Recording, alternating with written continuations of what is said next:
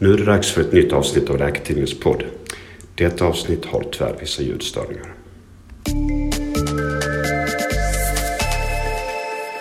Välkomna till ett nytt avsnitt av Läkartidningens podd. Jag heter Per Sandell och är chefredaktör för Läkartidningen. Idag kommer jag att prata med Anneli Liljegren som den 9 januari tillträdde som ordinarie chefläkare på Södersjukhuset här i Stockholm. Välkommen hit! Tack så mycket! Vi är ju vana att få rapport om att vården är ansträngd på Södersjukhuset. Hur är läget idag som är den 9 mars? Idag har vi, tycker jag, ett eh, läge som är fullt under kontroll. Vi hade ett eh, 30-40-tal patienter i morse på vår akutmottagning, vilket får betraktas som eh, ett lågt antal. Och vi hade några patienter som väntade på vårdplats. Och det får man också betrakta som normalt vi eftersträvar ju att våra patienter ska få komma upp till eh, en slutenvårdsplats så snart det bara går.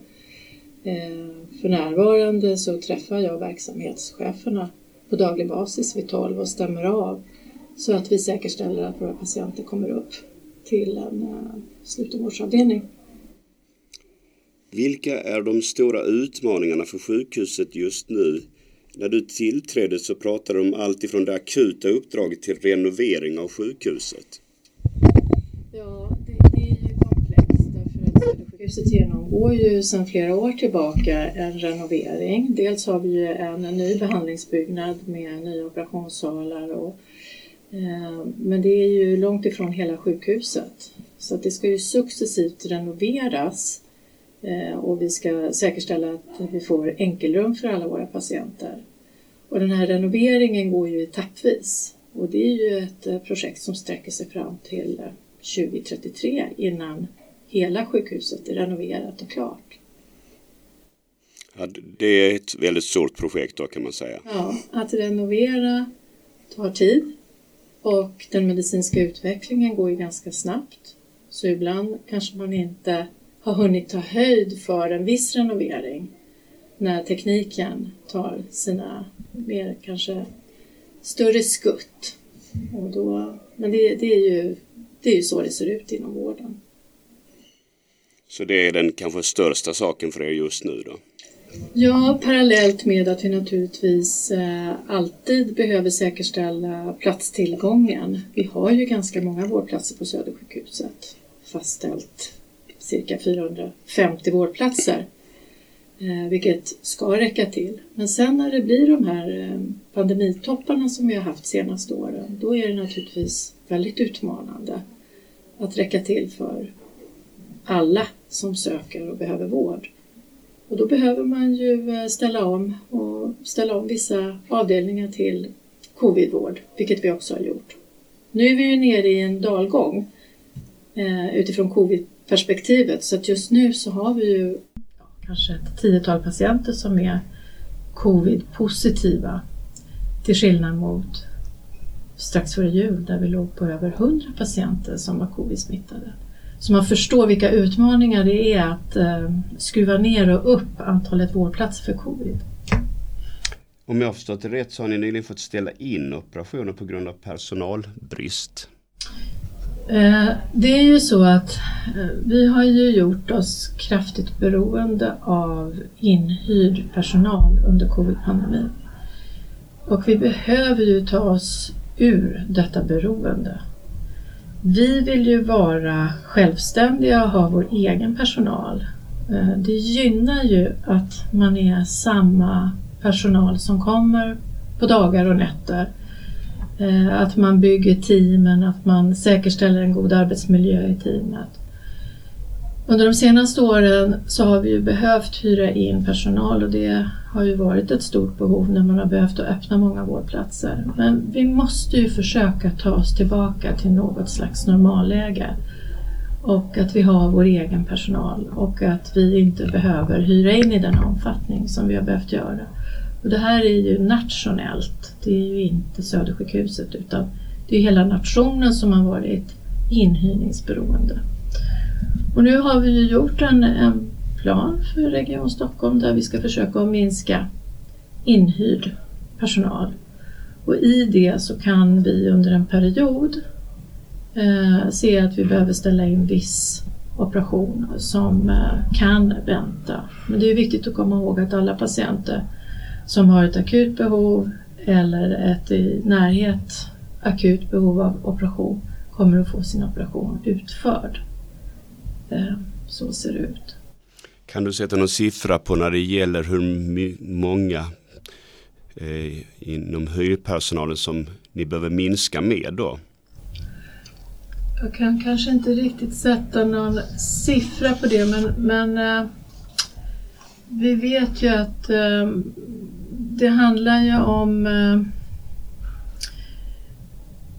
Ja, jag kan inte riktigt sätta någon siffra på hur många personer det handlar om men det är ett par procent.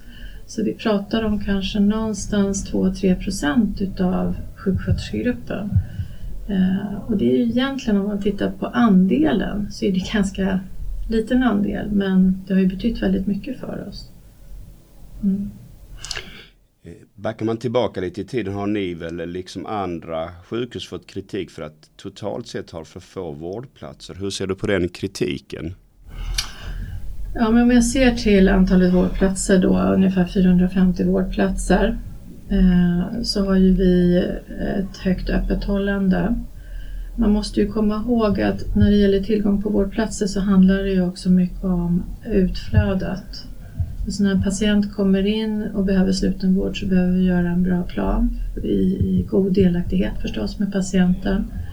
Eh, och eh, på ett akutsjukhus så behöver man göra de akuta undersökningar och kanske starta de behandlingar som behöver komma igång, utredning. Men sen är det ju viktigt också att patienterna får komma vidare då till eh, geriatrisk avdelning eller till rehab. Vissa patienter behöver sjukvård i hemmet, ASIH. En del patienter kanske behöver palliativ vård, komma till en palliativ enhet. Så det är ju många mottagare och ibland i de här övergångarna kan det ju bli vissa väntetider. Så det är ju inte alltid det att det är för få vårdplatser på akutsjukhuset. Utan det kan också vara så att nästa led inte har möjlighet att ta emot. Och då blir det ju en ansamling av patienter på akutsjukhuset. Så därför behöver vi ju arbeta mycket med de här vårdövergångarna. Och vi behöver ha ett nära samarbete med våra mottagare. Eh, I ett pressmeddelande när du hade blivit chefläkare sa du att nu ska vi göra SÖS bäst i stan. Hur ska det gå till? Jag har arbetat mycket med våra eh, ledtider, alltså det vill säga de tider från det att patienten kommer in på akutmottagningen, hur länge man vistas på akutmottagningen, när det finns ett beslut om att nu, är, nu ska man bli, eh, få en plats på en vårdavdelning. Eh, vi pratar ju ofta om det här fyra timmars målet, det är det man mäts på, hur snabbt, hur många timmar man vistas på akuten. Jag har då lett en arbetsgrupp eller en kommitté här på sjukhuset, eh, kommitté för akutvård och arbetat sedan våren 2021 med de här ledtiderna.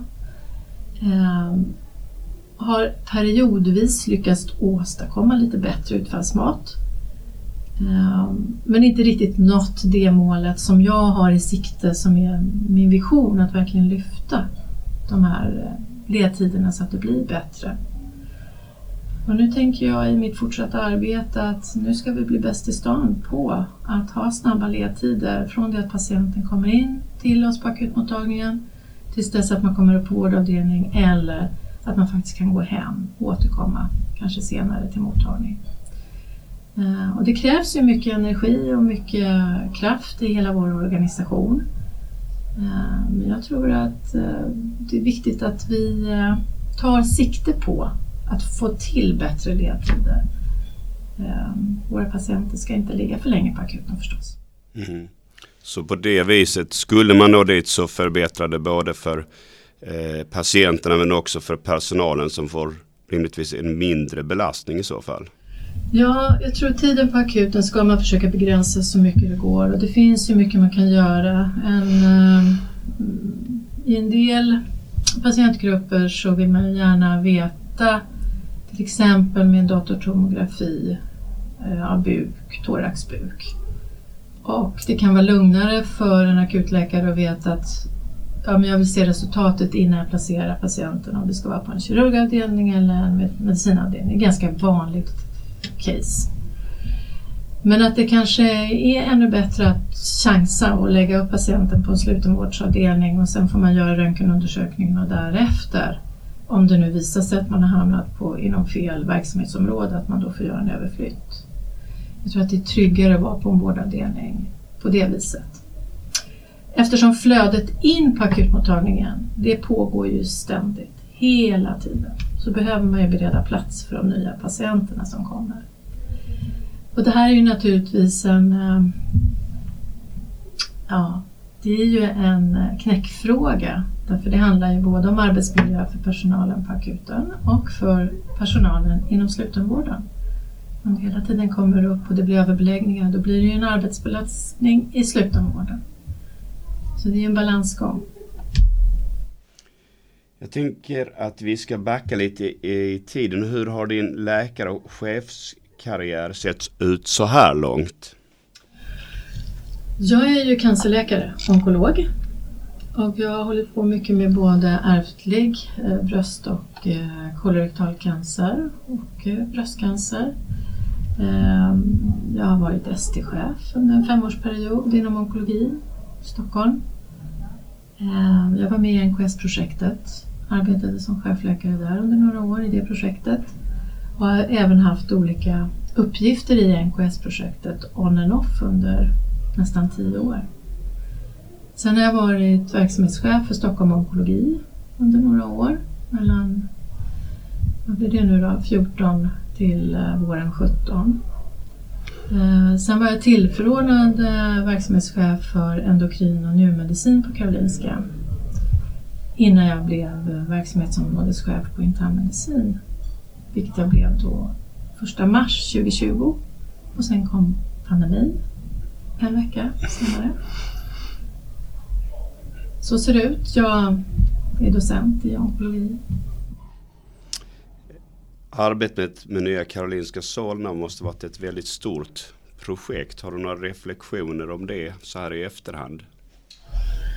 Det var ett fantastiskt projekt att få arbeta i. Eh, oerhört lärorikt. Och där fick vi förmånen verkligen att blicka framåt att tänka visionärt. Och man ska komma ihåg på den tiden när vi planerade för de här enkelrummen då mötte ju det ganska eh, hög kritik. Eh, man hade funderingar kring att det skulle bli ensamt för patienterna eh, och att det skulle bli mer arbetsamt för personalen att springa in och ut i enkelrummen. Men så här nu 2023 efter pandemin så tror jag att alla ser fördelarna med att ha enkelrum för våra patienter. Ehm, och att få vara med ifrån ritbordet till ett helt nytt stort modernt universitetssjukhus eh, är ju en förmån skulle jag vilja säga att ha fått göra i sin karriär och mycket, mycket lärorikt. Det var en väldigt, väldigt bra skola. Men blev det sedan så att du jobbade någonting inne på sjukhuset när det var färdigt eller hade du gått vidare då?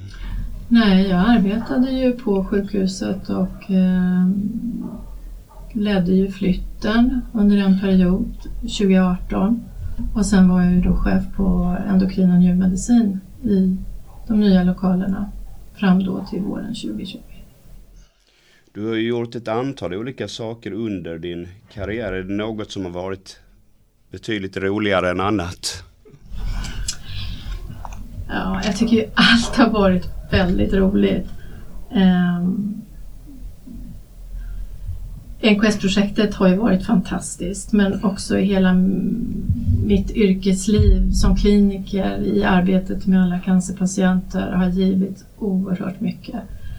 Och det preventionsarbete som jag har gjort inom eh, ärftlig cancer och identifierat de här familjerna med kvinnor som har ökad risk för bröst och cancer. Eh, att få följa dem i olika uppföljningsprogram och se hur det kommer nya individer i familjen. Eh, där vi faktiskt idag kan göra en prediktiv testning på ett befruktat ägg så att man kan komma så långt så att man kan välja att man föder ett barn som inte är genbärare eller mutationsbärare. Eh, det har varit fantastiskt roligt. Så att i princip allt jag har tagit mig för har jag tyckt har varit väldigt roligt. Nu är du då chefläkare. Vad gör då en chefläkare i praktiken? Ja, det där är väl lite av en eh, knäckfråga. Eh, jag tror att det ser väldigt olika ut på olika sjukhus. Eh, här på Södersjukhuset så är man involverad ganska mycket även i operativa frågor. Man är ju ett stöd både för stab och för, eh, för linjens chefer. Men eh, man, man, alltså som chefläkare så eh, är det ju oerhört viktigt att ha det här fokuset på patientsäkerhet och kvalitetsfrågor. Och man är ju privilegierad att få ägna tid åt de frågorna på ett väldigt bra sätt. Och att kunna fördjupa sig att också kunna vara en facilitator mot verksamhetschefer och eh, VO-chefer. Um, ehm, så att uh, det är en väldigt viktig del. Um, och sen så är man ju den personen som ändå ska göra den här bedömningen om en, en, en uh, händelse ska gå vidare till Lex Maria. Så att det är ju ett viktigt, viktigt arbete att faktiskt göra det på ett eh, klokt och seriöst sätt och eh, göra den anmälan när man anser att det ska göras. Men det gör man ju i samarbete med verksamhetschef förstås. Vad säger du om den diskussion som förts under senare år och som bland annat innehållit åsikten att chefläkaren ska vara mer fristående mot den egna arbetsplatsen? Ja, det är en debatterad fråga.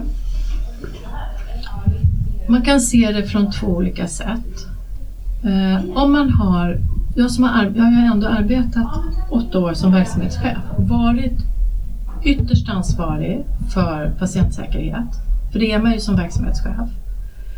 Eh, och som verksamhetschef är det ju viktigt att man har sin linjeorganisation eller ett säkerhetsledningssystem där man har patientsäkerhetssamordnare, man har personer som kan göra händelseanalyser. Och i ett välfungerande linjesystem så har man ju då möjlighet som, verksam, eller som verksamhetschef eh, att göra ett säkert arbete. Om man då skulle ha någon slags, eh, vad ska jag säga, kalla det för någon slags domare som ska komma som någon slags inspektor eh, så tror jag att man skulle eh, man har mer hjälp av någon som är nära verksamheten som man tycker att det är lätt att lyfta luren till och prata med. Så att man som chefläkare har goda relationer med linjen tror jag faciliterar bättre. För om man då får ett problem eller man har en allvarlig avvikelse på en enhet, att man känner att man lätt kan ringa till sin chefläkare, att få stöd ifrån teamet som jobbar med kvalitet och patientsäkerhet, eh, så tror jag att det främjar patientsäkerheten. Men om man har en person som är lite mer fjärmad ifrån verksamheten, då är det inte lika naturligt att man kan kontaktar en sån person. Så därför tror jag rent spontant att det är viktigt att man har eh, nära till hands och till hjälp och kan få stöd av en chefläkare. Eh, jag har ju läst den här artikeln i Läkartidningen förstås och jag tycker att det är en väldigt bra bild där man visar hur när linjen är väl fungerande då blir ju inte behovet lika stort. Men om det blir en, eh, ett brott i, Eh, alltså tolka mig rätt nu, att det blir någon form av svaghet i själva linjeorganisationen då kan man som chefläkare komma in och stötta på ett annat sätt. Eh, men det är väl en fråga som kommer fortsatt debatteras. Mm. Nu har du varit chef väldigt mycket. Har du under chefsåren hunnit med något kliniskt arbete och någon forskning eller har det fått så att säga stryka på foten? Nej, men jag arbetade kliniskt fram tills jag slutade 2020 på Karolinska. Eller, ja, Karolinska. Jag hade ju eh, arbetade mycket med bröstcancerpatienter under många år eh, och med den här hereditetsmottagningen. Så jag har hela tiden haft ett kliniskt spår och jag har ju också hela tiden haft ett forskningsspår. Eh, så att jag jag har haft, eh, jag har en doktorand nu. Eh, så jag försöker att hålla forskningsspåret levande även om det naturligtvis inte är huvudspåret. Men jag har träffat patienter ända fram till februari 2020. Om vi går vidare till ämnet ledarskap, har du några generella tankar kring det? Ja, man måste tycka det är roligt att leda. Man måste vara modig att leda. Eh, man måste vara visionär. Och man måste ha ett driv för att kunna leda. Och sen måste man eh, ha ett stort hjärta eh, för att kunna leda. Och att man måste reflektera. Varje dag måste man reflektera över de möten man har haft och hur hur såg det ut idag? Vad blev ett bra möte? Vad blev ett sämre möte? Vad var det som gick fel? Eh, varför blev det där bra? Så självreflektion är jätteviktigt. Brukar du själv reflektera på det sättet då? Ja, men det går automatiskt. Eh, och det är inte alltid jag är nöjd med alla mina möten. Och försöker att tänka igenom vad var det som inte funkade och hur kan jag tänka på det här nästa gång? Ehm, det är en väldigt, väldigt viktig del, självreflektionen. Och som ledare så har man, man har bra sidor men man kan ha lite sämre sidor och det är viktigt att vara medveten om, om där man inte eh, fungerar till 100 procent. Eh, vi är alla människor. Men mod, eh, driv, ett stort hjärta det är viktigt. Mm. Är det viktigt att ha just läkare som chefer? Ja, det här är en jättesvår fråga. Jag tror att eh, jag tror att vi kommer se mer och mer andra professioner som kommer leda läkare. Eh, och jag tror att det är många som när man, när man läser till läkare då vill man ju bli läkare. Man, man går ju den här långa svåra utbildningen därför att man vill arbeta som läkare. Det är nog ganska få som har tänkt att ja, men, eh, jag ska bli chef. Jag tänkte aldrig så. När jag läste till läkare och i början av min karriär slog det mig aldrig att jag skulle kunna bli chef. Och jag tror att det är så för många läkare. Men att vara chef och att leda, det är ju ett helt eget yrke. Men jag tror att det är oerhört viktigt att vi läkare vill fortsatt också ägna oss åt ledarskap. För vi behövs ju. Det är ju så komplext att styra och leda sjukvård. Så att ha en eh, bra grund inom läkarlivet, det har man ju väldigt stor glädje av när man ska leda sjukvård. Men det kommer nog bli mer blandat över tid med andra professioner. Och jag måste säga att när jag arbetade i NKS-projektet då upptäckte jag ju verkligen magin i att arbeta multiprofessionellt.